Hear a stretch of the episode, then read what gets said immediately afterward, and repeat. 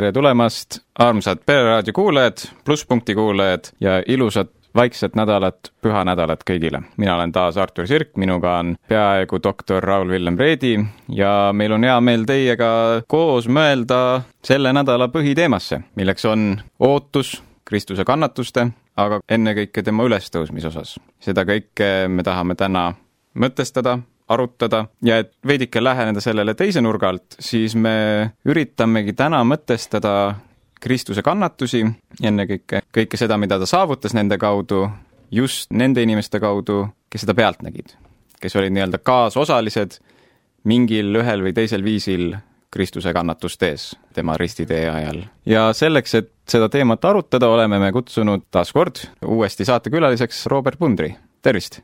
Tervist, et ma ütlen ära, et kui Rauli kohta öeldi peaaegu doktor, siis mina olen ka peaaegu doktor. aga nagu see on see anekdoot, et keegi sureb, et kas siin doktorit on siis tuleb, et tehke midagi, aga ma ei saa, ma olen filosoofiadoktor, ütleb see, kes üritab siis päästa seda surnut, et ma olen siis peaaegu usuteaduse doktor. Ehk siis me täna tahaksime mõtestada, kuidas me võiksime suhtuda ülestõusmispühadesse, sest pühad noore jaoks vähemalt ei tundu nii tugeva kaaluga asi mm. kui võib-olla vanema generatsiooni jaoks. ja, ja me mõtleme, on ju, seda teha läbi kõrvaltvaatajate pilkud, et, et kuidas nemad suhestusid kogu sellesse Kristi surma ülestõusmisesse, kuidas meie võiks suhestuda, mis sa arvad? ma arvan, et see, see, mis sa ütled ka, et kuidagi, et pühad nagu kaovad ära, on, on hästi õige mõte, sest no võib-olla isegi kristlastele tundub, meil on kogu aeg rõõm, teame, et ta tõuseb üles, mis, mis see suur reede ja kõik see kannatuse teema, et, et mis see siis, mis seda vaja on, aga tegelikult see, et sa füüsiliselt ja selles mõttes see kõrvaltvaataja pilk, et kui ma paneks ennast kes olid need, kes nägid ka Kristust kannatamas, siis ma ikkagi arvan, et samamoodi nagu Jumala arm tuleb välja ju sellest, et meie patt on väga suur ja see antakse meile andeks, siis me mõistame, mis on arm. et siin ka samamoodi see kannatuste teema ja, ja võib-olla vanades kirikutes see paastuaeg, eks ju, rohkem, et sa päriselt paastud, sa füüsiliselt nagu tunned mingil määral, et on nagu raske, aga et sa valmistud millekski ja siis tuleb see suur rõõm ja, ja sellepärast mulle hästi meeldib, et Tartus on ka hakatud tegema neid Suure Reede ristiteid ja midagi, kus sa füüsiliselt nagu saad osa selles mõttes nendest pühadest. et ongi see, et, et see ongi selles mõttes ka kurb, see on raske ja nii, aga see, mis ees ootab, on väga suur rõõm. nii et mm. ma arvan, et see on väga oluline, et me nagu kuidagi oleksime selles tsüklis ja võib-olla kiriku aasta, selline liturgiline aasta nagu aitab mingil määral, et me mõistaksime seda, et, et siis need pühad jõuavad rohkem kohale koos kõigi oma emotsioonidega. kellega mm. meil on samastuda näiteks, kes Kristust nägid? kuidas see saab meile isiklikumaks? eks neid karaktereid on palju, inimeste tüübid on väga erinevad, kes on rohkem, eks ju, Peetruse moodi, on ikkagi kogenud usulisi kõrghetki, on, tal on mingi autoriteet ja nii, ja siis sa tunned, kuidas sa võid ikka täi-, täiesti puusse panna, võid oma, eks ju, jõuga minna, või kes samastub rohkem, eks ju, naistega risti all. ja küllap me saate jooksul ka saame erinevaid neid karaktereid arutada, et seal on nii palju eri perspektiive ja sellepärast ju Kristus ka kõnetabki erinevaid inimesi nii erinevalt, et mis perspektiivis meie oleme, no ma loodan, et me juudad ei ole, et kuigi ka juudal kindlasti oli lootust, et ta tegi endale otsa peale, kõik, aga ei ole ju, kuskil ei saaks öelda, et see oli niimoodi kuidagi ette määratud, ka temal oli lootust, ehkki ta oli reetur, tõepoolest, aga Peetrus parem ei olnud salgas issanda samamoodi, aga Peetrus sai andeks ja uskus andestusse, võib-olla ootas ära selle andestuse, aga Juudas ei mhm. oodanud, et neid perspektiive on väga palju. alustaks algusest, ma mõtlen näiteks esmalt kohe apostlite peale, kes olid kõik kaasas Kristusega Getsemani aias. Mhm. seal on ju Kristuse kõige esimene selline üleskutse apostlitel oligi, et valvake mhm. ja palvetage, et on ju kiusatus ei tabaks teid ootamatult, et see, kui saatan tuleb teid kiusama, on ootamatul hetkel ja Kristus on ju oma kannatusi oodates, oli pidevas ootuses. Apostlid siiski nagu nägid seda kõrvalt ja noh, jäid magama, on ju, ei suutnud kas ei olnud jõudu või nad lihtsalt olid väsitatud just sellest võib-olla masendusest. või, või vastupidi, et samas Jeesus ütleb, eks ju, et valvake ja valuge, sest liha on nõder, vaim on valmis, aga siis, kui tuldi kinni võtma, siis võeti küll ju mõõgad välja ja raiuti seal ühel sulasööl kõrvgi maha. isegi oli valmisolek, aga minu jaoks see on just hästi kõnekas ikkagi selle poolest, et me võib isegi olla valmisolek ja, ja me, oh, nüüd ma olen valmis, nüüd ma lähen, aga me lähme inimlikult või kuidagi ikkagi oma jõuga, eks ju, ja no vaata, Kristus nüüd tuleb, nüüd tulevad taevaleegionid meile appi appi, lähme, eks ju, mõõkadega kallale, aga ei, see ei ole see võitlus. ka see siia juurde, et nad ei olnudki valmis. Kuigi nad ehk ise arvasid, et noh, praegu tukastame, pärast võtame mõõga, eks ju, ja, ja lähme kukutame roomlased ja, ja kõik muud seal, et, et see, et me ei, me ei olegi valmis, selles mõttes me vajame Jumala armu ja abi ja alandlikkust tegelikult seda kõike mõista mm. -hmm me ülehindame oma jõudu ka selles mõttes või eeldame Jumala abi asjades, kus ta ei ole seda lubanudki. kui me ka omaenda elus võib-olla näeme mingeid kannatusi või takistusi, ütleme näiteks noh, omaenda lähedast, teame, et ta on haigeks jäänud või ta kannatabki meeletult mingil viisil, olgu vaimselt või füüsiliselt, ja siis me mõtleme, et okei okay,, et noh, võtame nüüd tugeva palve ette ja lähme kohale ja noh, käed peale, terve ja korras, siis jõuab kohale ja kõik lüüakse jalge alt ära. palvetad, palvetad, palvetad, mitte midagi ei juhtu ja siis su löödki kõikuma, miski ei tööta enam. sest sa oled lootnud justkui mingit abi olukorras, kus Jumal soovib, et just läbi kannatuste sünnikski midagi paremat, midagi igavest. et nagu tagurpidi on, Jumal ütleb, et teeme nii, aga inimene arvab, et oot, aga nii on hoopis paremini, et kui liha on nõder, siis on vaja magada, mis see Jeesus tahab, et me magamata oleme, siis hiljem oli see valmisolek, on ju, see on mm -hmm. nagu mhm. väga üldimlik, et mm, -hmm. et astuda Jumala viisile vastu, teha, teha ise paremini, mis on tegelikult väga noh, see ei ole inimese mõttekäik, aga kui see niimoodi lahti arutada, siis tegelikult see on ju tohutult, tohutult uhke, mina tean Jumalast paremini, enda Jumalaks panemini. jah mm -hmm., jah, ja see on üks, see ongi ikkagi inimese ju patujuur, mina olen Jumal või noh, nii nagu Aadamale eh, lubati seal, et te saate olema nagu Jumal, eks ju, paradiisiaias.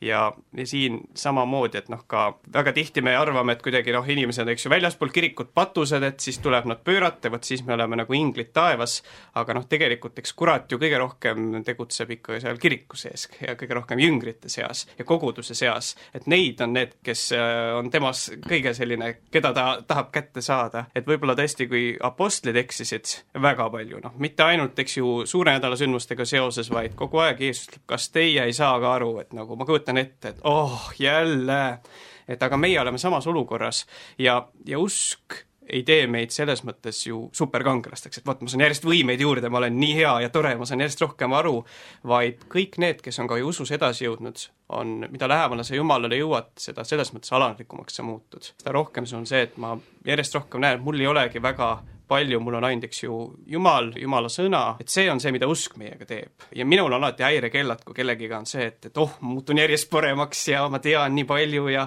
et kuidagi, et see on mingi, ma võin järjest rohkem rääkida, kui hea inimene olen, et enne ma olin no, okei okay inimene, ma järjest, siis ma ei usu, et seda teeb Kristus, ma tõesti olen alati skeptiline kui keegi nagu väga, et mina tean ja mina teen ja mina lähen ja vaid lõpuks ikkagi ainult Jumala abiga ja ainult mm. Jumal. see on väga huvitav, sa ütlesid, et saatan nagu üritab kätte saada just kiriku sees kõige rohkem, kumb, kumb siis olema peaks, kas me üritame kadunuteni jõuda, et noh, kõik need suured evangeelsed üritused, mis tihti ülestõusmispühade aegu toimuvad, või peaks hoopis rohkem koguduse sissepoole pöörama silmad, et kuidas meil on oma sisemise siiruse ja integriteediga? noh, esiteks ma arvan, see algab üksikisiku tasandilt, kindlasti teatud määral ma arvan küll meie sissepoole, et sest et see on nagu kuidas meie, eks ju, kui me oleme juba kristlased, et mina vähemalt ise mõtleks küll niimoodi et see on pigem hoopis reflektsioonipüha, mitte mitte niivõrd kõikide inimeste kogudusse kutsumise püha? no kõiki inimesi kogudusse kutsuda tuleb ikka ka alati ja tegelikult ju vanas kirikus ju tavaliselt ju ristiti inimesed äh, laupäeval, siis vahetult enne ülestõusmispüha, laupäeva öösel, ka mõnedes kirikutes siiamaani on siis ristimisteenistused. eks ta on ikka, aga tõesti, ta esitab küsimusi meile ka nagu sissepoole, ma arvan väga,, väga-väga palju igale kristlasele, kogu see suure nädala asi, et noh, mina ikkagi ütlen, et suurel reedel me peame nagu aru saama ka sellest, ma mäletan, kui tuli film Kristuse kannatused, mille Mel Gibson tegi, siis sealt on ju see kuulus lugu, et väidetavalt ühes stseenis seal filmis on ka Mel Gibsonit ise näha, tema käsi, ja tema käed on need, kes löövad naelu Kristuse käte sisse, kui ta ristile pannakse. ja ma arvan, et iga kristlane me mingil määral peaksime mõistma, et meie oleme need suurel reedel, kes lõid Kristuse risti kelle, eks ju, pattude pärast ja, ja igaüks meist. ja siis me mõistame, kui suur on arm ja halastus, vaatamata mm. sellele, et meie käed selle haamriga lõid risti. see, see võiks olla, selles mõttes ma olen sinuga, Raul, nõus. see annabki mõle-, mõlemat, on ju, et, et kui, kui see sisemine arusaam on, siis sellest ma loodaks, et puhkeb ka selline sisemine tänulikkus, ei saa mitte märkamata jätta, et jõulud ja ülestõusmispühad on kaks väga taktikalist kuupäeva, kui mm. saada mittekristlasi kogudusse, on ju, et oleks nagu üsna raisatud võimalus see aeg nagu ainult endale mõelda, see üks hetk, kui äkki saaks püüda kadunud mm. lambakesi karja sisse tagasi, on ju. Mm-hmm. E, e, et siis tegelikult seal võiks olla see sisemine reflektsioon ja ka väljapoole mõlemad, aga mm. jah, võib-olla see tõesti, et et see pole mitte lihtsalt kalapäev, vaid see on äh, selline sisemise siiruse taastamine, mis võiks väljenduda inimeste püüdmises jaa, jaa, seal on kindlasti mõlemad aspektid, et ja nüüd min- seda on raske küsida, et jüngreid kä- käestakse meil teha ikka alati. Kogu aeg, jah. et õpetada, aga seda, seda on selles mõttes, kuna ma arvan, et seal on koos, eks ju, need mõlemad aspektid, et seda on selles mõttes erinevatel inimestel võib-olla on ka erinevat sõnumit vaja. no võib-olla mõni inimene jumal, ja jumal kutsub, on erinev. mõni inimene võib-olla liiga sissepoole kõigis asjades, et seal on ka välja see, ja teiseks, see on hea küsimus, kumb kaalukam, sest sama on näiteks teoloogias, on eriti kahekümnendal sajandil, on olnud kaks sellist nagu suunda. üks rõhutab hästi Kristuse risti, kannatust, eks ju, ta kannatas koos meiega teine on hästi ülestõusmise keskne. et ikkagi see ülestõusmise rõõm, aga neid ei saa lahutada üksteisest, eks ju, tegelikult mitte kumbagi. kui ei ole seda kannatust, siis ülestõusmine kaotab tähenduse, aga kui ei ole ülestõusmist pärast kannatust, siis see on üks tore ohver küll ja suur eeskuju meile kõigile, aga ei ole lunastust, ei ole andeks andi, mis tuleb lunastuse kaudu. et võib-olla need kaks sellist ka nagu punkti, mis, ja sellele on väga palju vaieldud sellistes su suurtes äh, usuteaduse ringides kahekümnendal sajandil see meenutab mulle Mhm. mm -hmm. mu eelmise pastori ütlust, et et jah, me oleme päästetud millestki patust, aga me oleme samuti päästetud millelegi. et me pole nagu, me pole lihtsalt patust priidnud, vaid me oleme päästetud pühitsusele, elule. plusspunkt Lähme siis kronoloogiliselt nüüd edasi. Kristus on ära antud, reedetud, antud sõgedate masside kätte, on ju, viidud edasi-tagasi erinevate kohtute vahel ja öö läbi piinatud lõbutute kohtuprotsessidega.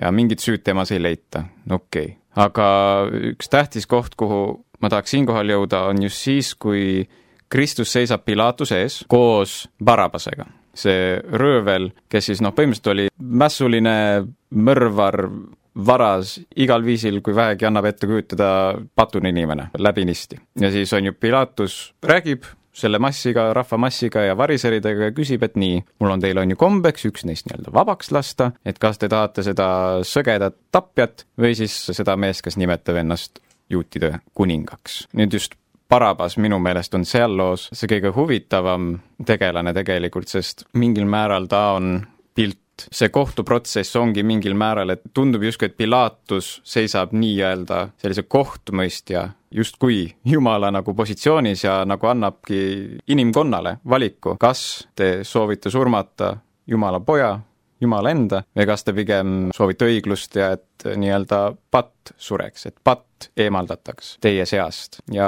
rahvamass ütleb, et andke meile Barabas ja lööge see Kristus risti, on ju. see on pilt ka on ju meist endast. Barabas on pilt igast inimesest tegelikult, ütleme niiviisi. see on iga inimene kogu inimajaloo jooksul on Barabase isikus seismas tollel hetkel põhimõtteliselt ja Kristus lubab iseendal minna surma, selle asemel, et Barabas sureks tegelikult õiglaselt. see on minu arust väga huvitav paralleel veel Samueli raamatuga, seal oli see, et kas te tahate rahvas, et teid juhiks Jumal või te tahate mingit inimkuningat, aga see, ega see inimkuningas väga hea pole, siis nad ütlevad, me tahame kuningat ja nüüd läheme edasi ja meil on üks tõesti hea kuningas, juutide kuningas ja siis on valik juutide kuninga, kes on jumalik vahel ja millegi muu vahel ja siis nad ikka valivad selle vähem jumala variandi, on ju. see tõesti näitab, kuidas me alati tahame ikka, ikka jumalat vähem, jumalat vähem. ma olen ka seda mõelnud, et tegelikult Barabas on ju esimene inimene, kelle eest Jeesus suri konkreetselt. ehkki ta suri ju noh, terve inimkonna eest, siis see on kuidagi esimene selline. ma ei tea, kas Barabasi kohta on, aga väga paljude piibli tegelaste kohta on ju olemas ka selline pärimus hilisem,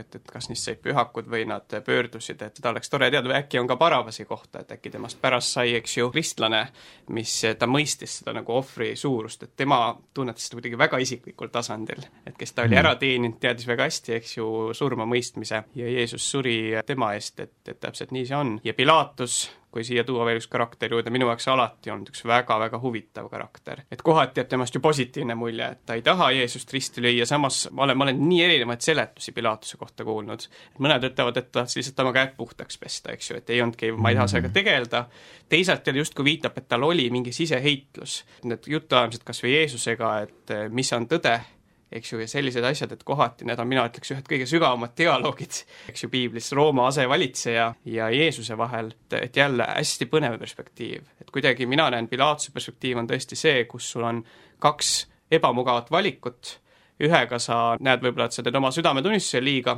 annad süütu mehe surma, teisega jälle sa teed oma ametile liiga, kuidagi oma sellisele võib-olla ühiskondlikule positsioonile. Ja minu arust see on väga aktuaalne küsimus igal ajastul, iga kristlase kohta, et meil on sellised valikud väga tihti, et kas me anname Kristuse ära ja teeme südametunnistuse tegelikult või me anname midagi muud ära. ja et meile nii meeldib teha mingisuguseid karikatuure inimestena, et oi, need olid need variserid, on ju, mina pole küll nagu variser või need olid need juudid vanasti, et mina küll ei unustaks ära, kui meri läheks kaheksa maanat sajast taevas, mina ei unustaks ära Jumalat, on ju, aga terve piibli mõte on, et me just sellised oleme ja minu arust see näitlikustab see, see Pilatus nii hästi sellist, milline ongi inimene, et, et ei ole üdini kurb, ei ole mingi karikatuur mm, -hmm. ongi inimene oma komplekssustega, inimene, kes kes mõtleb head ja ka välja tuleb, nii nagu alati inimene, kes, kes kardab justkui nagu natuke Jumalat, aga siis on see inimese kartus seal ka kõrval, aga ta kardab mm -hmm. inimest rohkem. ja mm -hmm. Jeesus ütleb, sa ei saa teenida kahte issandat. valides inimese, sa tegelikult valid mm, -hmm. mitte Jumal mm. -hmm. ja, ja, ja, ja, ja meie ka, me ei ole sellised ilmselged Jumala vihkajad, eriti, eriti mitte kristlased, on ju, aga millegipärast vaadates praktilises mõttes, siis mõnikord me oleme praktilised ateistid või praktilised paganad selles mõttes, et, et valime inimese heakskiidu Jumala. ja see Pilatus on on, lihtne temaga sümpatiseerida selles mõttes ja tegelikult tunda empaatiat ja mõista tegelikult, miks ta tegi kõike, mis ta tegi, sest noh, ta kartis, on ju, suurt ulatuslikku mässu, et rahvas oli nii üles köetud, nii nagu tuld jäksi täis, et nad lihtsalt peavad kellegi ära tapma et muud moodi see lihtsalt ei saanud lõppeda ja Pilatus nägi seda ja sai sellest aru. ja ta pidigi valima, et noh, kas ta ohverdab nii-öelda avaliku rahu ühe inimese pärast ja siis selle riskiga, et veel rohkem inimesi saab surma, või kas ta annabki neile, mis ta soovib ja tapabki selle ja seal on ju see ajalooline kontekst ka, et eks Pilatus ja tema pere oleks ka hukatud, kui oleks mäss tulnud. kuigi nii ja naa, ega neid mässe oli seal kogu aeg ja seal piiblis ka vihjatakse, et Jeesus mainib ühes kohas, et kelle vere Pilatus segas et tähendab, Pilatus oli karmi käega vend. et selles mõttes ei saa, ta oli mässe maha surunud ja see oli roomlaste õigus ja nad palju-palju mässasid, kogu aeg mässud. aga, aga Pilatuse jaoks ju see pöördehetk saabub siis, et ta ju kaval mees, ta juutidega vaidleb, ütleb, et noh, süüdi ei ole ja nii ja aga kus saabub tõehetk, on see, kui Pilatus küsib ju rahva käest, et noh, see on ju siin teie kuningas, aga rahvas karjub, meil ei ole kuningat, meil on keiser. see on see keiser, tolles hetkes Roomas ju Jumal, elav Jumal. keisrile sa ei saa vastu astuda et sa oled seal osavalitseja, see on nagu kindlasti, kui sa nüüd, ja nüüd see oli Pilatusel see kahvlisse panek. et kui sul on nüüd valida, et nad hakkavad ütlema, et vaata, sa lasid vabaks venna, kes ütles, et ta keisrit ei tunnusta, vaid ütleb, et ta on ise kuningas, et ta on jumal, eks ju, et ta on jumala poeg. see oli Pilatuse jaoks see kõige raskem, et see tähendas sisuliselt tõesti, et sa paned enda elu ohtu ja nii, kui sa kuidagi vastandud, eks ju, keisrile ja juudid olid kavalad, eks ju, ülempreestrid ja preestrid, kes seal olid, et see keisri teema, see oli nüüd üliraske valik. omaenda elus üleüldiselt et on ju, kui vaadata kiriku staatust äh, laiemas ühiskonnas, no me ei pea siin rääkima ainult mingi Põhja-Ameerikast, Euroopast, no vaatame kas või Hiinasse või, või mis iganes Aasia või Aafrika riikidesse samamoodi. kiriku peal on alati see surve, see kiusatus taganeda mingitest asjadest, taganeda evangeeliumist, taganeda selle õpetusest ja paljud on võib-olla andunud, isegi heatahtlikult on ju sellele kiusatusele selle mõttega, et okei okay,, aga hoiame inimesed rahulikuna, et me ei taha lükata inimesi kirikust eemale, me ei taha, et kirikus kus tekiksid mingid lõhed või me ei taha, no üks, need, neid häid põhjuseid leidub küllaga, aga siis noh, aastad lähevad mööda, põlvkonnad, üks otsus teisele, kompromiss teisele ja justkui olekski tegelikult Jumala poja ära tallanud ja andnud tema hoopis massidele nii-öelda tapmiseks. Need on need väiksed sammud, minu arust see Nehemiia raamatu kolmeteistkümnendas peatükis on seda nagu ülihästi näha just nende kaupmeestega, kes on tulnud Jeruusalemma, kelle siis Nehemiia ära ajas, kes siis kauplesid hingamispäeval, kui ei tohtinud kaubelda, et seal oligi täpselt, et, et need Foiniikia kaupmehed, neil oli majanduslikult targem, et nad nagu seavad oma väikese laagrikese üles sinna Jeruusalemma lähedale. ehk siis pisikesed sammud, et üheteist kuni kolmeteist aastaks, kui Nehemiia oli läinud, siis olid need Foiniikia kaupmehed tulnud Jeruusalemma juurde ja olnud, kuule, et noh, kuulge, et kas te lubate meil oma maale teha väikese pesa? ja siis noh, ega see patt ju ei ole väike pesa teha, no tulge tehke pesa siis, kas te lubate, me tuleme kaupleme teiega, et, et ma tean, et te hingamispäeval ei taha kaubelda, aga me müüme teile, teie ei tee tegelikult tööd, on ju. me lihtsalt müüme, te lihtsalt ainult ostate, see pole töö, siis ta mõtles, et no ei, ega põhimõtteliselt nagu ei ole ka, on ju. ja siis niimoodi see vaiksed, pisikesed sammud, mis ei tundu iseseisvalt patt, aga siis lõpuks, kuhu nad jõuavad, on see, et neil on täielik täisväärtuslik kauplemine, hingamispäeval, ostmine ja müümine, on ju. Mhm. kunagi ei ole see patt ilmselge, keegi ei ärka hommikul üles ja mõtleb, et täna ma reedan nagu mm. üldtunnustatud doktriine, et inimesed ei ole mingisugused karikatuurid, aga meil ongi need väikesed ebamugavused, kuidas saatan meid niimoodi pooltõdedega tõmbab Täpselt. kuhugi eemale. on ilus väljend eesti keeles, et põrgutee on sillutatud heade kavatsustega. ja nii see on, et kui kurat tuleks kohe, et kummarda mind, ma olen kurat see nagu keegi, ei taha, aga aga tahad head teha või, või saad ise kasu, ma maailmale teed head, et, et nii see käib säästad ja... inimese tundeid, see on väga oluline tänapäeval. ja ma arvan, see, mis Artur kirjeldas, see on tõepoolest hästi aktuaalne igal ajal, igal pool ja nii naljakas, kus ei ole samal ajal tõesti, kui kirik või kristlane läheb sinna kompromissi teed, ühest küljest algus võib tunduda, et lähebki hästi, aga see on alati igal ajal ka tegelikult iga kristlase või kiriku haigus. ja tegelikult see ju tapab kirikut, see tapab evangeeliumi, kui sa evangeeliumi ei kuuluta. Ja alati see on põhjustanud igasuguseid ka noh, positiivses mõttes äratusliikumisi, selliseid nagu nii-öelda heas mõttes reformatsioone, puhastumise teemat, sest ma arvan ka seda, et täpselt, et kui kirik näiteks neid kompromisse lõpuks teeb mingites väga põhimõttelistes küsimustes või selle maailma vaimuga, et see on surev kirik et selline kirik mhm. jälle ei, ei suuda täita oma missiooni ja ta tasapisi nagu kärbub, et see on naljakas, sest eh, tundub, et nagu ühiskondlikus debatis on pigem see, et see tagurlik kirik, mis ei käi ajaga kaasas mm., et see on surev kirik, sellepärast lähevad inimesed kirikutest ära mm. -hmm. no mida see kindlasti ei ole, et, et maailma vaates, aga, aga ise, isegi vaid Euroopas, et noh, ikkagi mitte kusagil selline kiriku väga suur kompromiss sellise ajastu vaimuga ei ole toonud suuri masse kirikusse, ei ole teinud kirikust, et ja põhjustab ainult lõhestumist tegelikult ja ja seda, et kirik mm. kaotab, et ja päeva lõpuks, kui me küsime mittekristlaselt, miks sa ei tule kogudusse, ei meile adekvaatset põhjust, annab meile vabanduse. et ta ütleb, noh, nagu samamoodi, nagu mul oli põhikooli klassiõde, kes mulle kogu aeg andis nagu vabandusi, mis ma arvasin, on põhjused, miks sa ei taha kogudusse tulla ja ma üritasin seda mugavamaks teha ta jaoks mm. kogu aeg, aga siis nali naljaks nüüd ka kaks aastat tagasi ta tuli usule ja siis ta ütles mulle, et tead, Villem, terve aeg, need olid lihtsalt vabandused. Ja siis ma olin nagu oh, ja, ja mina, mina tegin mingi kompromisse ja umbes painutasin end üle iseenda ja mida kõike veel, on ju. Mm, ja minu kogemus on tihti see, et ei olegi ju, et mi-, mis me kuulutame, vaid tõesti, et kas me iseennast nagu reedame, et see hakkab isiklikul tasandil, see küsimus, see vastutus on igal kristlasel. Ja ma arvan, et väga tihti ei ole ju, et, et kuidas me räägime, aga et kui me ise seda usume ja kui me ei tee neid kompromisse, et noh, tänapäeval ma ütlen näiteks, et minu arust moodsas maailmas üks selline väga küsimus on see päris patuõpetus, nii et kuidas sa ütled, iga inimene on patune ja kõik on süüdi.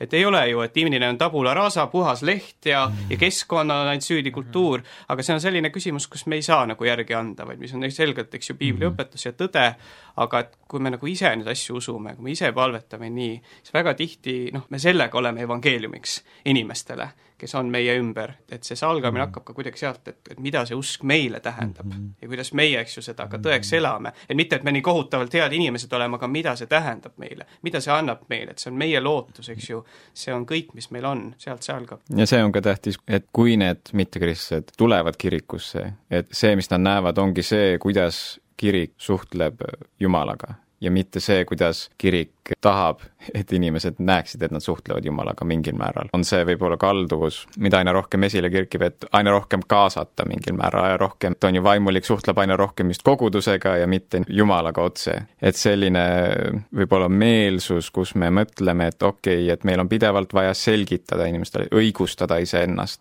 põhjendada asju ja selline kuidagi ärevus, et et ega nüüd keegi valesti aru ei saa, kuigi tegelikult kiriku sõnum äh, võikski olla selline, et me kummardamegi Jumalat, meil on oma selge viis, kuidas me teeme asju, ja kui keegi tuleb juurde ja vaatab seda pealt, siis ta saabki näha, et see ongi siiras. ta võib olla võõras, ta võib olla imelik, ta võib olla kummaline, aga siiski see on reaalne, see on midagi, mida kirik teeb asja enda pärast, sellepärast et niiviisi me olemegi Jumalat kummardanud ja niiviisi me ka teeme seda. ma küll lisaks selle nüansi siia sisse, et minu arust ikka kirikuna on ikkagi oluline see, et me räägiksime arusaadavalt, et nagu meil pole mõtet lihtsalt midagi öelda, mis on õige, ilma et see inimesel kohale jõuaks. et abielus ma, see ei tööta väga hästi, kui me lihtsalt ütleme midagi, siis abikaasa saab hästi valesti aru ja siis see on, siis on pigem suur tüli, mitte seda, aga ma ju ütlesin õiget asja.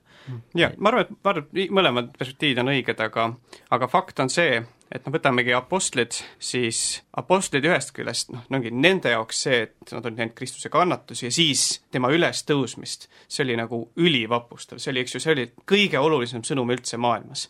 kui nad läksid seda kuulutama, kindlasti nad ka rääkisid, nad üritasid suhelda inimestega, aga teisalt piibel ütleb väga selgelt, et sõnum ristist on alati, eks ju, skandaal on, ehk siis pahandus et see on igal ajastul ja alati on see skandaal on. mis tähendab seda, see ärritab, sellest ka ei saada ka aru ja me ikka räägime, aga tõesti tihti olulisem kui rääkimine on see siirus või mida ma arvan, Artur, Artur kirjeldas, see, et, et mis see meie enda jaoks tähendab, mida me usume ja, ja muidugi ei pea esiteks, see ei ole mingi eks ju, esoteeriline salaõpetus või kuidagi, et mingid väesõnad, mida me lihtsalt kordame, vaid me tõesti kõneleme ka enda jaoks, mõtestame, mis see tähendab, aga teisalt see on alati skandaalne mm. -hmm. et see on igal ajastul alati paha vabandus ja apostlid teadsid seda. ja nad läksid ja kui palju Paulus sai peksa, eks ju, kui palju kõik teised, kui palju neile öeldi, mis see lobasuu tahab öelda, et, et see on nagu loomulik ja see on ka tänapäeval loomulik. aga meie jaoks see on ikkagi kõige olulisem sõnum. aga olgu see skandaal on, sest see sõnum ei meeldi, mitte sellepärast sellest sõnumist ei saada korrektselt aru. aga see on paratamatult sellest, et ristisurm, patt, et keegi tuli, suri minu eest, et sa isegi võid isegi ratsionaalselt saad sellest aru, aga sa ei saa sellest nagu sügavamalt selles mõttes aru, kui sa seda noh, ei koge teatud määral kõigi oma meeltega või, või see ei puuduta kogu sinu olemust, eks ju, kogu sinu elu, ei anna hinnangut kõigele, mis sa teed. ja seal on nagu ma arvan, usu puhul mingi etapp, mis on täiesti müstiline, mille kohta noh, piibel ütleb, eks ju, et jumala sõna läheb välja, teeb oma tööd ja ei tule tühjalt tagasi. et kus me anname võib-olla see mingi osaga, kus seal on mingi veendumuslik tahk, mida ainult Jumal saab inimesele anda et selles ma olen sinuga hästi päri ja ma arvan, me ei peaks nagu seina peksma lihtsalt. et me üritame, aga siis sinna jääb see X-faktor, mille annab. Jumal, mis on kuidagi see, et seesama, et me ka ju, me usume nagu apostlid, selles mõttes meil on täpselt sama apostlite usk, me nagu sama hästi, kui oleks oma silmaga näinud seda, kuidas Kristus kannatas, löödi risti, kuidas meie vedasime teda alt ja siis me oleme oma silmaga näinud, kuidas ta tõusis surnust üles, kuidas ta on surma äravõitja, meie kõigi lunastaja, selle annab Jumal. Ja see puudutab ka koguduse osadust, sest ka kirik ikkagi, ükskõik milline kirik, kristlik kirik oma su-, kõiges selles nii-öelda üleüldisuses on ju see katkematu kett, kus on apostlid, siis edasi üks ja sama usk, see üks ja sama osadus. et see on midagi sellist, mida Jumal annab, mida ta on teinud. ja siit siis edasi, Kristus on mõistetud surma, teda on piitsutatud, teda on mõnitatud, teda on igatipidi alandatud ja talle antakse rist kätte, mida ta nüüd tassib Jeruusalemmast välja Kolgata mäe poole. see on raske teekond, täis on ju mõnitusi, täis alandusi, aga seal tekib ka selline kummaline väike vahehetk. Kristus mitmel korral kukub, pillab risti maha ja siis tõmmatakse üks Siimon kõrvale ja öeldakse, et nii, vot, nüüd sina tule ja aita seda risti tassida mida meil Siimonalt on õppida? erinevaid asju, eks ju, alati ka muidugi see asi, et kunagi asjad juhtuvad ootamatult, Siimon öeldakse Küreene linnast, Küreene on Põhja-Aafrikas, küllaltki kaugel, provintsi linn, tuled sinna Jeruusalemma, eks ju, reisile, tuled kummardama, siis järsku oi noh, kanna risti, no mis nüüd, noh terve päev on lörtsi läinud, rikutud, aga küllap Siimon tasapisi ehk ka hiljem sai aru sellest võimalust, et sa saad aidata Jeesusel kanda seda risti või, või kuidagi, et see on suur au või eesõigus, õigus, et, tihti ega see usk võib ka tunda nagu koorem mingitel mm. hetkedel ja nii, aga üks hetk sa mõistad, noh, et, et ka need raskused või, või ka need ootamata tulnud asjad, kus minu plaanid lähevad lörri, kõik läheb sassi, see on nagu õnnistus olnud. ja et ka ehk Jumalat tuleb teenida ka puhkusel absoluutselt. Et ei saa nii olla, et millest sa paastud, ma paastun usust nüüd kümme päeva, et prooviks, mis elu see pagana elu ka on, et kogemused rikastavad. Yeah.. et räägi mulle usust, ma ei saa, mul on puhkus praegu, et see on kohtumispaik ka minu meelest, just Kristuse ja meie vahel, selles mõttes, et me võib-olla teha selle endast veidike kaugeks asjaks, et okei okay,, Kristus seal kannatas asja ära, elas selle asja läbi aga minusse võib-olla nii väga ei puutu, et no mina, mina saan oma elu taevas ja suur aitäh, on ju, aga siin elus ma ikka tahaks normaalselt elada. mida see seal võib-olla ilmestab, on võib-olla isegi see, et Kristus teadlikult nõrkes ja näitas seda, et tekitas selle olukorra, kus kutsutigi keegi kõrvale kaasa ja öeldi, et nii, aita sa nüüd tal tassida. mitte, et tal oleks päriselt nagu vaja seda olnud, ma usun, et ta oleks suutnud vabalt üksi tassida selle üles, aga see ongi võib-olla Kristuse kutse meile kõigile, et see ei ole ainult tema rist, vaid meie kõigi rist mingil määral, mida ta kannab ja mida ta kutsub meid kõiki koos temaga kandma. see, mida tema kannatas ja läbi elas, äh, ei ole ainult temale reserveeritud, vaid et meie samuti kannatades läbi kiusatuste, kannatades läbi igasuguste katsumuste ja raskuste, ebakindluste, samuti jõuame selle, ütleme, ülestõusmise hiilguseni. et äh, nii-öelda harib, õhutab, kasvatab seda nii-öelda jumalikku elu meie sees just selle risti kaudu ja just see Siimona kaudu me vist minu meelest näemegi seda, et, et see on ka meile, et ei ole mingit muud teed, et vot Kristusel on nüüd see raske tee taevasse ja teie nüüd saate mingi lihtsa asja, vaid et ei, see ongi see ristitee, Kristus näitab meile, kuidas elus kannatada nõnda, et me võiks olla pühitsetud ja ette valmistatud taevaks. jaa, ma arvan, et see on väga oluline mõte ja teine, mis ma arvan, sellega seostub, on tõesti see, et Kristus oleks võinud ju ise kõik ära teha, aga et ta tarvitab inimeste abi, Jumal tarvitab inimeste abi. ka tänapäeval kasutab inimesi, eks ju, selleks, et, et ka teised, eks ju, jõuaksid õndsusele, kasutab ta kogudust, kirikut, igat kristlast, vaatamata sellele, et nad on nii, nagu on, tulevad kuskil Kürenest, ei ole üldse valmis ja ja mine tea, eks ju, palju jaksavad kanda. aga noh, neid lisaks Siimon Kürenele on ju teisigi Jeesuse ristidel, Veronika, kes eks ju annab oma selle, et ta saaks pühkida higirätiku, annab, et, et need on ju väiksed asjad, aga Jumal noh, kasutab ja, ja, ja kuidagi Jumal ise tänab ja ütleb, et sinu kaudu või et see on nagu nii suur asi, et Jumal, eks ju, meid kasutab ka, ka tänapäeval, kasutab kirikut, kogudust, ehkki see on ka ju patused inimesed koos, kes vajavad andeksandmist, armu, et see on minu arust ka see suurus, et nii Siimonit kui kõiki teisi, et ka sellel risti teel ta kasutab seda abi või seda vähest, mis neil on anda päriselt. ta ei ole kuidagi kauge tegelane, vaid ta on meiega koos, mis läheb praegu ka püha vaimu läbi edasi.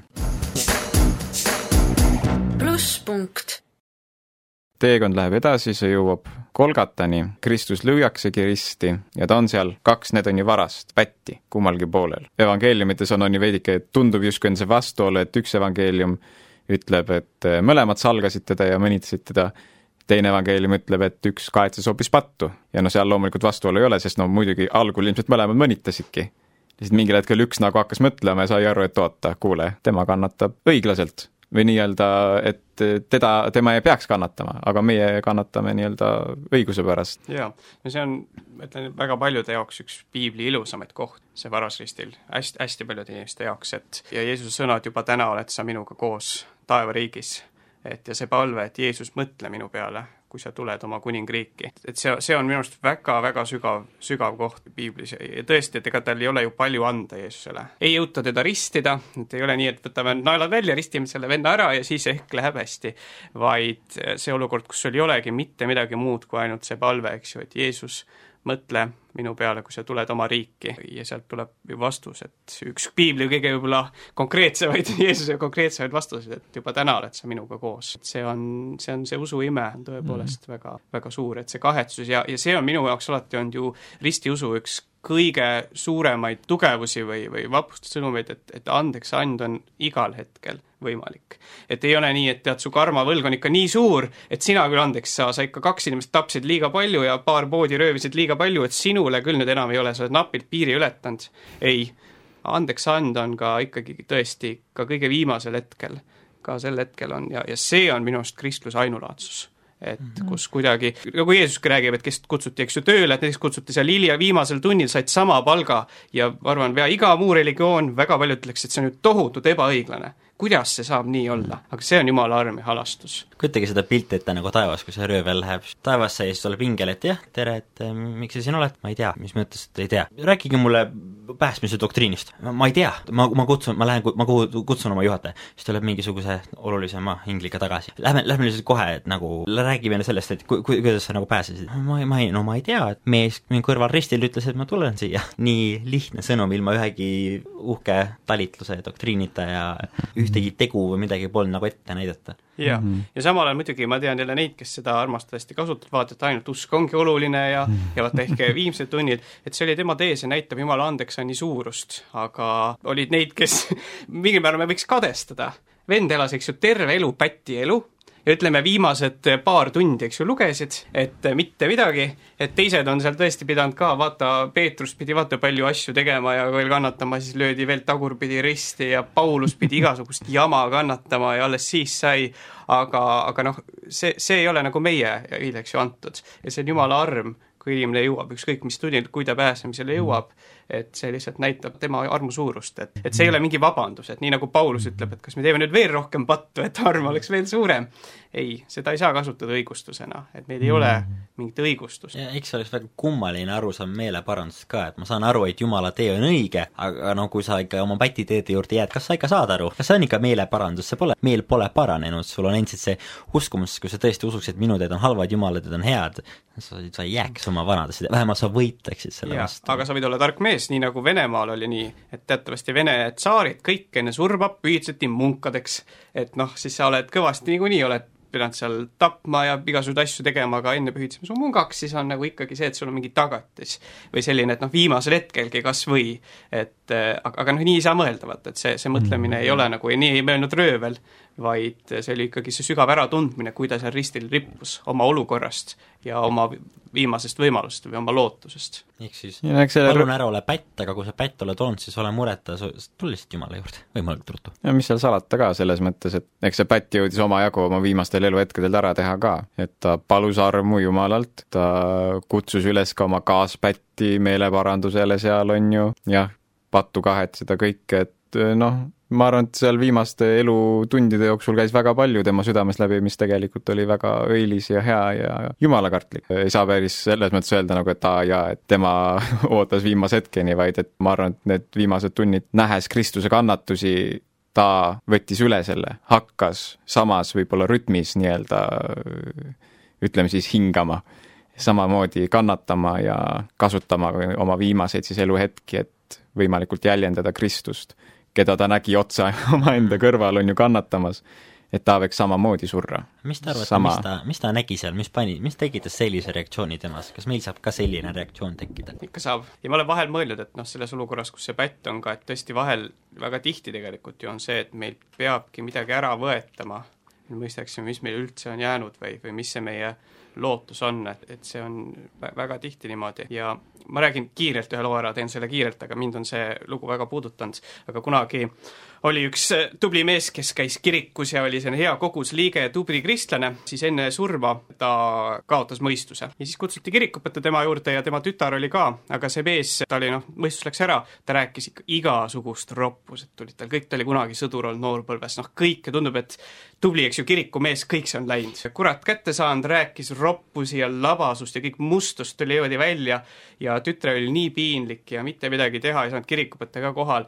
aga siis enne surma, dementne oli mees, enne surma tal oli üks selline selgushetk ja mulle räägitud, see on hästi tihti nii, et dementsed enne surma mingi väike selline selgushetk ja siis tema tütar küsis ta käest, et, et isa, kas sa, kas sa Jeesusele jaksad mõelda? isa ütles, et ei jaksa, mul ei ole jõudu, aga ma tean, et Jeesus mõtleb minu peale. ja see ongi see, kus võib-olla sul ei ole mõistust, sul ei ole, eks ju, mitte nagu midagi enam, aga see on noh, tegelikult Kristus, tema mõtleb minu peale. ja võib-olla mm. natuke see röövel oli nagu samas olukorras, et, et ma ei saa enam midagi teha, ma ei saa andeks paluda nendelt, kellele ma olen kurja teinud, mul ei ole mitte midagi teha, aga tema mõtleb minu peale. ja, ja see on see võib-olla mingisugune, kus sul kõigest oled ilma jäänud või sul ei ole midagi, siis ainult usk jääbki. nüüd me oleme vaikselt lõpusirgele jõudmas nüüd kõige viimaste inimeste või inimesena, kelle ma tahaks meile enne saate lõppu tuua fookusesse, on need kolm Maarjat, kes on seal risti juures. ennekõike siis on ju Neitsi Maarja, Kristuse enda ema. mis nende puhul mulle kõige rohkem välja paistab, on see, et näib, et nad on põhimõtteliselt terve selle protsessi olnud sealjuures, kõike pealt näinud, kõike, mida Krist-, no piitsutamist, alandamist, seda kogu ristiteed ja niiviisi, kogu aeg olid kaasas ja tundub, et justkui täielikus nagu vaikuses, sellises vaikses südamekannatuses, no eriti Maarja on ju, kes nägi omaenda lihast poega põhimõtteliselt maha tapetamas. no esimene asi, mis ma siin välja tooks, ongi võib-olla see kontrast apostlite vahel, sellisel mehisel, jõulisel, väga mm, suuresõnalisel usul, aga ka just nende naiste vaiksel ustavusel, ütleme sellisel, kus nemad võib-olla nägidki ette, saidki aru, et jah, Kristus peabki kannatama ja võtsidki võib-olla selle sõna oma südames vastu ja olidki terve see aeg siis seal kõrval oma hinges nii-öelda kannatades koos Kristusega. jah, muidugi siin saates räägib kolm meesterahvast, tõesti, ega ma olen mõelnud, noh, ma ei, mingil määral ma ei mõista kindlasti kunagi noh, naise kui ema või, või ükskõik, et naise sellist, naisterahva väga tihti seda kiindumust või seda sügavust, millega ta suudab nagu noh, jääda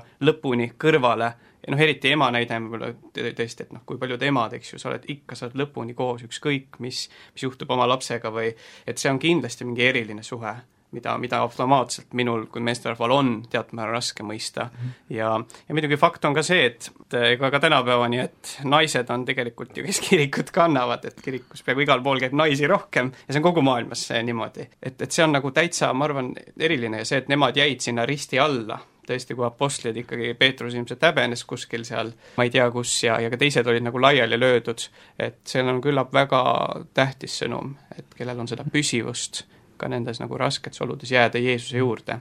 Ja Jeesus isegi ristil ikka hoolitseb ja oma ema eest hoolitseb mm, -hmm. et ütleb, see on sinu poeg, eks ju, Johannesele minu teada, et Johannes võttis mm -hmm. ta enda juurde Ma, Maarja, et, et see on jaa, väga mhm. kõnekas mm. -hmm. just see hetk Johannese, Maarja ja Kristuse vahel, just hiljuti üks, üks preester tõi välja sellise nagu kuidagi uue vaatevinkli sellele, sest Maarja selles mõttes mõistis, on ju, ta nägi kõrvalt, kuidas põhimõtteliselt apostlid andsid Kristuse ära, rahvamassid andsid Kristuse ära, preestrid, kõik need andsid Kristuse ära, roomlased, kõik kogu maailm oli põhimõtteliselt sinu enda poja, ära salanud, reetnud, piinanud nii jubedalt kui vähegi võimalik ja sinu enda silme all veel enam, on ju. ja no Johannes, selles mõttes tema samuti pani jooksu, on ju, ta aga kuidagi mingil viisil ta jõudis ikkagi sinna tagasi ja ma arvan, et just selle hetke pärast, no kujutada ette, on ju, et ilmselt kõige parem on kujutada ennast ette Johannese olukorras, sa vaatad Jumala poega, kelle sina oled ära andnud, kelle tapmisesse ja piinamisse sina ei sekkunud, mille sina oled lubanud. ja siis äh, ta ütleb oma emale,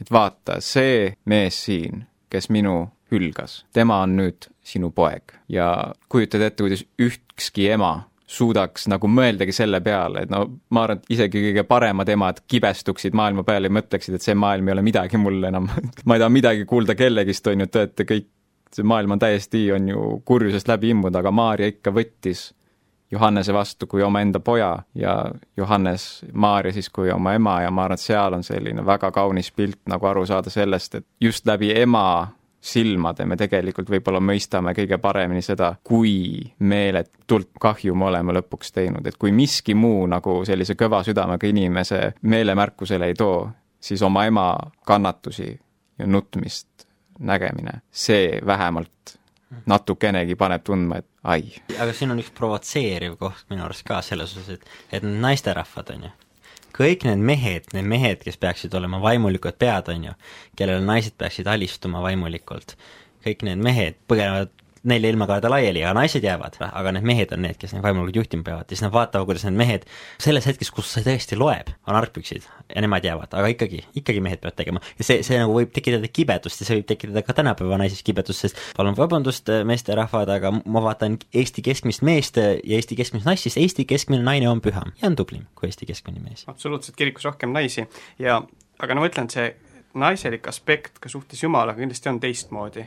et kui me vaatame ka piibli kujundeid, noh minu käest näiteks seda küsitud ja ma olen selle peale mõelnud, et võib-olla naisel on näiteks lihtsam mõelda, et eks ju kogudus kui Kristuse pruut, ma ei tea, kui lihtne meil on mõelda ennast pruudi olukorda. sa päriselt paned ennast pruudi olukorda, no mina mina tunnistan ausalt, ei ole olnud, olen küll beib-, beebihe olukorras olnud altari ees, aga et sa paned ennast pruudi olukorda, et noh, mitte ainult, eks ju, Neitsi Maarja, Jeesuse ema, Maarja Magdalena, noh, teatavasti tema jaoks ikkagi Jeesus küll ju võõras mees, aga see, noh, üks pärimus on et tema oli see, kellest need seitse kurja vaimu välja aeti, aga igal juhul oli ta see, kes oli Jeesuse jalge juures. et see kiindumus läheb nagu lõpuni välja.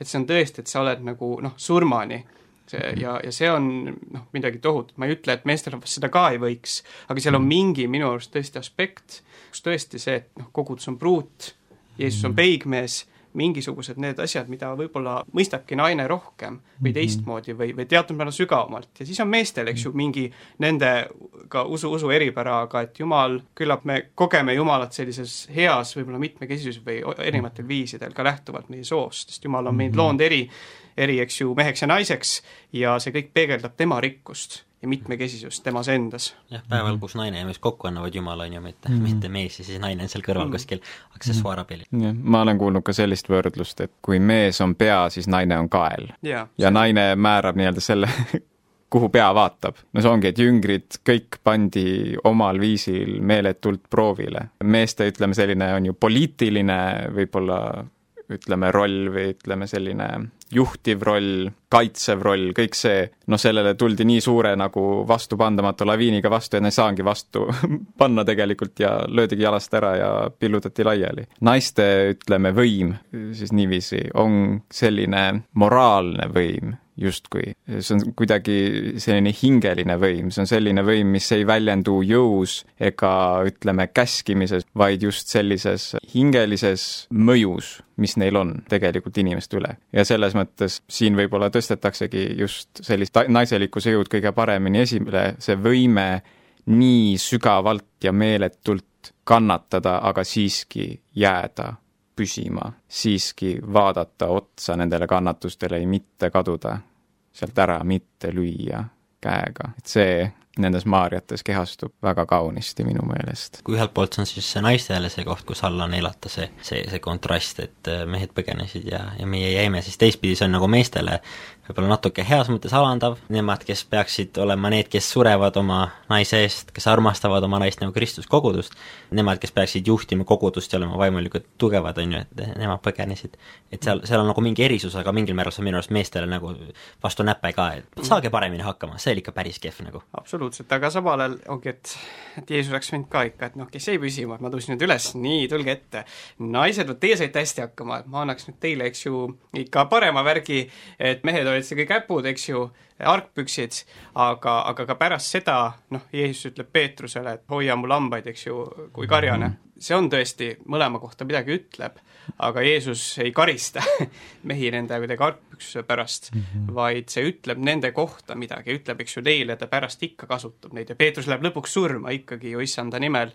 ehkki seal on ka ju see vana lugu, et ka sealt ta üritas ära põgeneda, et kui Roomas, aga siis tuli Jeesus ise talle ristiga vastu, ütles quo vadis domine Peetruse Quo Vadis toomine, et kus sa lähed, issand, ja Euromam iterum crucifigi, et Rooma, et mind uuesti risti löödakse, siis Peetrus läheb tagasi. et isegi siis ta üritab uuesti ära põgeneda ei saanud asjast aru, aga mm, -hmm. aga et see ütleb midagi ja samal ajal Jumal ikka kasutab, et see ei ole mm, -hmm. see on nagu ka see oluline aspekt, et muidu võiks ju mõelda, et noh, naised ongi naised võikski seda asja juhtida kõike et see kristlus ongi üks naiste, naiste usk, aga ei, nii mehed kui naised oma, nii nagu nad on jumal liidab kokku ja kasutab mm, -hmm. et jaa. aga andke vi-, saate lõpuks üks praktiline nõuanne, kui ma vaatan, et pühad ei tekita erilist emotsiooni minus, on lihtsalt teinekord tavaline päev, mida ma teen, kuidas ma teen pühad erilised? jah, noh, võib piitsa kätte võtta ennast natuke, aga no ma ütlen, et see, mis kohe saate alguses sai öeldud, et eks suurel reedel kas või seesama paastumise mõte, kas üldse noh, minimaalselt süüa või mitte, eks ju, liha süüa või Suurel reedel Tartus see,